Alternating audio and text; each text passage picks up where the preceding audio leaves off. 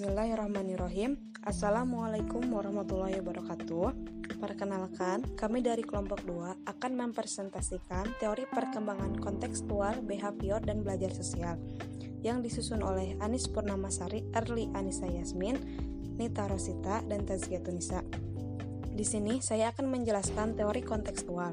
Menurut Chaplin 2002, istilah konteks digunakan untuk menunjukkan kondisi yang mengelilingi proses mental dan mempengaruhi makna atau signifikasinya. Dan menurut Schaeffer and Hafnung eh, tahun 1994, teori kontekstual memandang perkembangan sebagai proses yang berbentuk dari transaksi timbal balik antara anak dan konteks perkembangan sistem fisik, sosial, kultural, dan histori di mana interaksi tersebut terjadi. Teori kontekstual terbagi menjadi dua teori, yaitu etologis dan ekologis. Teori etologis Menurut para ahli, satu, menurut Santrox, etologi merupakan studi tentang perkembangan perilaku evolusi spesies dalam lingkungan alamiah. Teori etologi mengenai perkembangan menekankan bahwa perilaku sangat dipengaruhi oleh periode-periode kritis dan sensitif. Yang kedua yaitu menurut Cooper, etologis menetapkan metode-metode observasi yang dapat meningkatkan kualitas studi tentang perkembangan manusia. Dengan menggunakan metode observasi, para ahli juga mencoba memahami bagaimana perbedaan-perbedaan individual dalam sifat-sifat seperti sifat agresif, pemalu, bersaing, dan egois.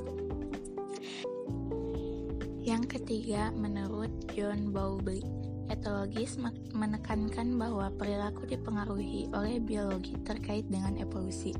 Dalam observasinya, etologi lebih dominan kepada perilaku hewan dan tingkah laku anak manusia. Pengaplikasian teori ini menggunakan pendekatan anak-anak ayam yang mengekor pada induk sebagai jalan hidupnya. Hal ini juga diterapkan secara spesifik kepada perilaku bayi pada ibunya, misalnya menangis.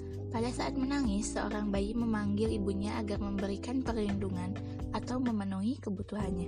Di samping menangis, tertawa juga bisa menimbulkan perasaan sayang kepada orang tua, sehingga mereka bisa merasa senang berdekatan dengan orang tuanya.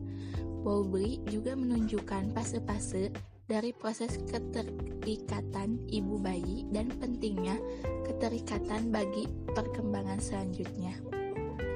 Selanjutnya, pemahaman teori etologis. Dengan demikian, pendekatan etologi difokuskan pada asal-usul evolusi dan tingkah laku, dan menekankan tingkah laku yang terjadi dalam lingkungan alamiah. Para ahli etologi mencoba mengidentifikasi faktor apa yang menentukan perkembangan individu dan mempelajari keterlibatan pengaruh evolusi. Pengaruh evolusi bagi para ahli etologi terjadi karena mereka mempercayai bahwa tingkah, tingkah laku individu sampai batas-batas tertentu ditentukan oleh turun-temurunnya spesies secara evolusi serta susunan genetik individual yang diturunkan oleh orang tua. Proses evolusi dari adaptasi dan seleksi tidak saja telah menentukan bentuk fisik spesies manusia, melainkan juga telah memberikan potensi-potensi pada tipe-tipe tertentu dari tingkah laku. Yang kedua yaitu teori ekologis. Teori ekologis lebih menekankan pada sistem lingkungan. Uri Brouwenberger adalah tokoh yang mengembangkan teori ekologis. Pendekatan ekologis ini menunjukkan bahwa konteks anak berlangsung pada perkembangan individu baik kognitifnya, sosio-emosional, kapasitas dan karakteristik motivasional, maupun partisipasi aktifnya yang menjadi unsur-unsur penting bagi perubahan perkembangan. Ada empat kondisi lingkungan yang terjadi pada pendekatan ekologis yang dikemukakan oleh Brenner. Yang pertama yaitu mikrosistem Kondisi ini menunjukkan situasi di mana individu hidup dan saling berhubungan dengan orang lain. Konteks ini meliputi keluarga, teman sebaya, teman sekolah, dan lingkungan sosial lainnya. Dalam mikrosistem ini terjadi interaksi langsung dengan agen-agen sosial. Yang kedua yaitu mesosistem. Kondisi ini menunjukkan hubungan antara dua atau lebih mikrosistem atau hubungan beberapa konteks.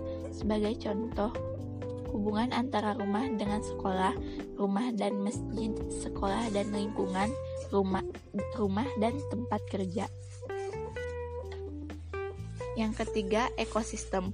Kondisi ini terdiri dari setting sosial di mana individu tidak berpartisipasi aktif, tetapi keputusan penting yang diambil mempunyai dampak terhadap orang-orang yang berhubungan langsung dengannya. Misalnya, tempat kerja orang tua, dewan sekolah, pemerintah lokal, orang tua, kelompok teman sebaya.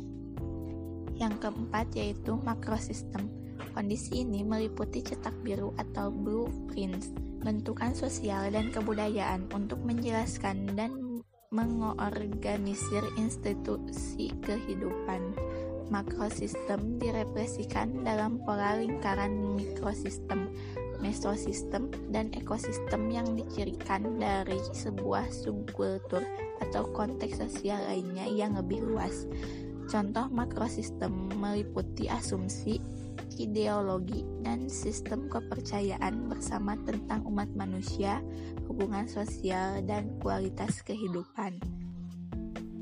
Teori behavior dan belajar sosial John B. Watson adalah pakar utama awal pengembangan teori tingkah laku. Ketika itu, Watson menolak pandangan bahwa psikologi adalah studi tentang kegiatan mental dengan menggunakan metode introspeksi dan menganjurkan agar psikologi lebih membatasi pada studi tentang perilaku atau behavior. Behavior atau perilaku adalah kegiatan organisme yang dapat diamati dan yang bersifat umum mengenai otot-otot dan kelenjar-kelenjar sekres ekstrena eksternal e, sebagaimana terwujud pada gerakan bagian-bagian tubuh atau pada pengeluaran air mata keringat. Teori ini menegaskan bahwa dalam mempelajari individu yang e, seharusnya dilakukan oleh para ahli psikolog adalah menguji, mengamati e, perilaku e, dan bukan mengamati kegiatan bagian dalam tubuh. Tiga versi tradisi behavior. Satu, Pavlov dan conditioning klasik. Paradigma conditioning klasik merupakan karya besar ilmuwan Rusia Ivan. Pavlov eh, tahun eh, 1849 sampai 1936. Beliau mengembangkan teori perilaku melalui percobaannya tentang anjing dan air liurnya.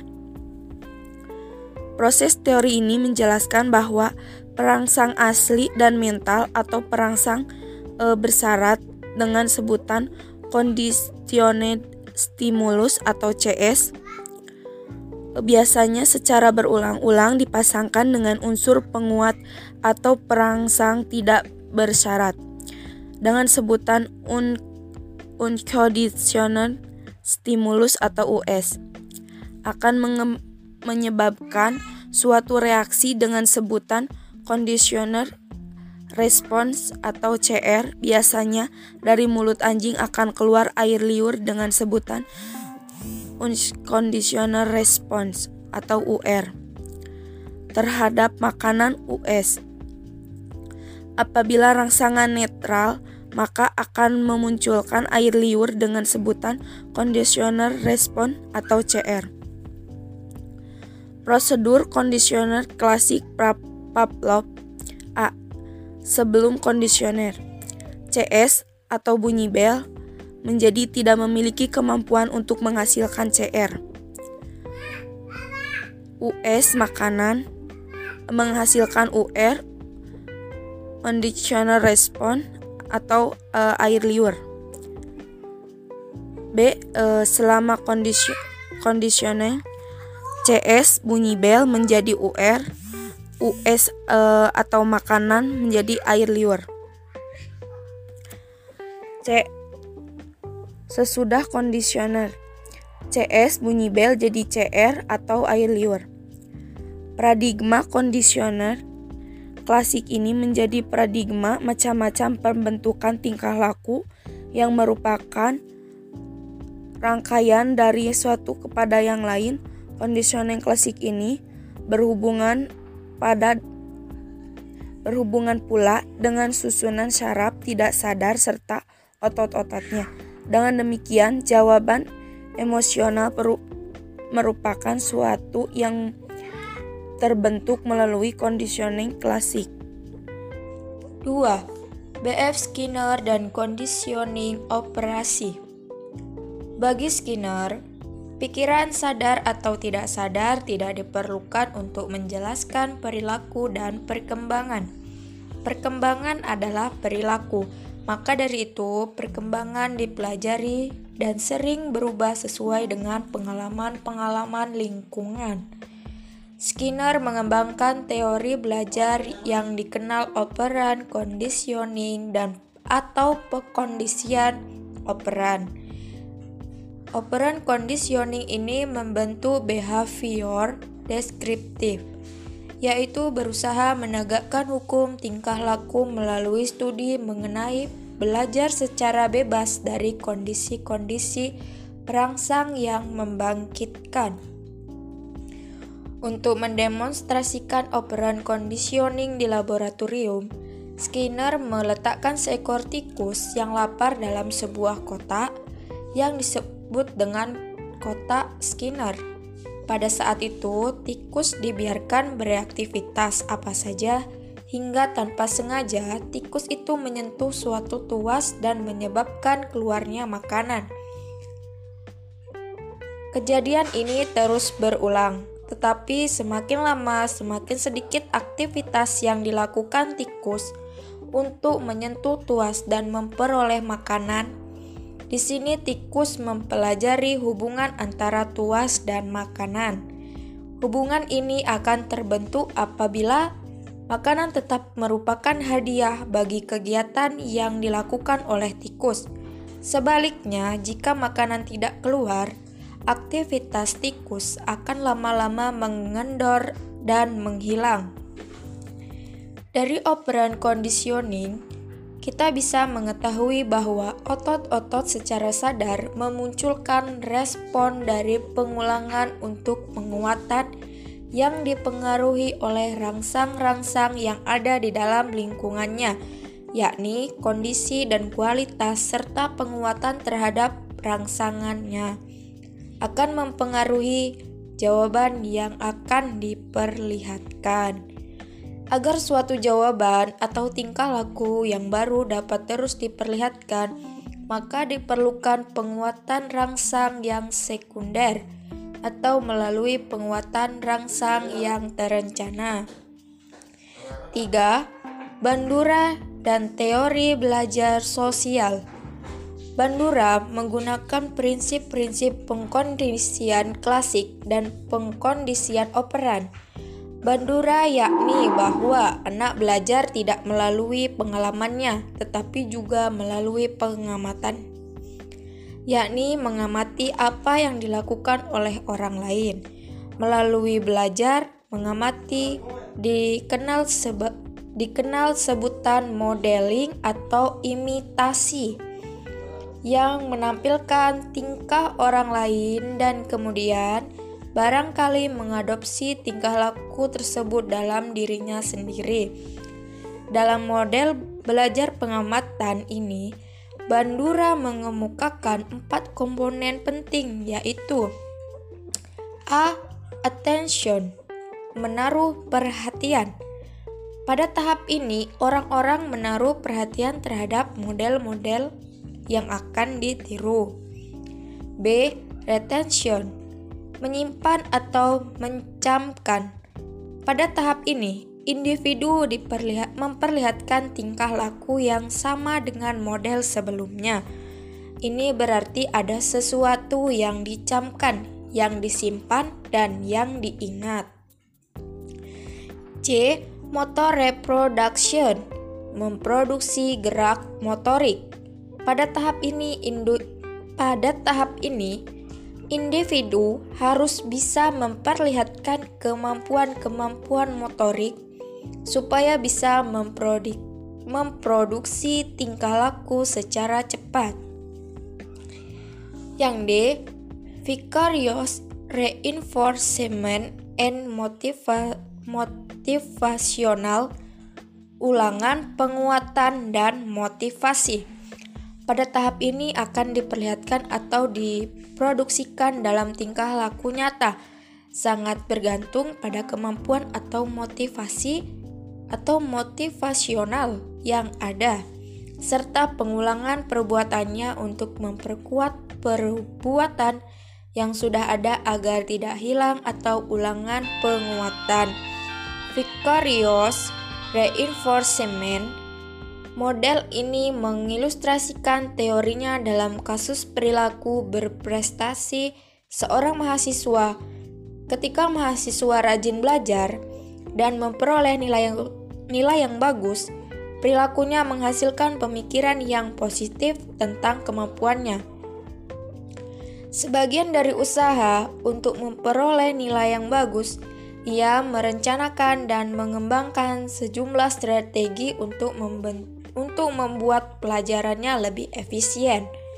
Dengan cara demikian, perilakunya mempengaruhi pemikirannya dan mem pemikirannya mempengaruhi perilakunya sehingga keberhasilan program belajarnya mengacu pada harapan bahwa jenis program ini dapat dihasilkan di sekolah lain.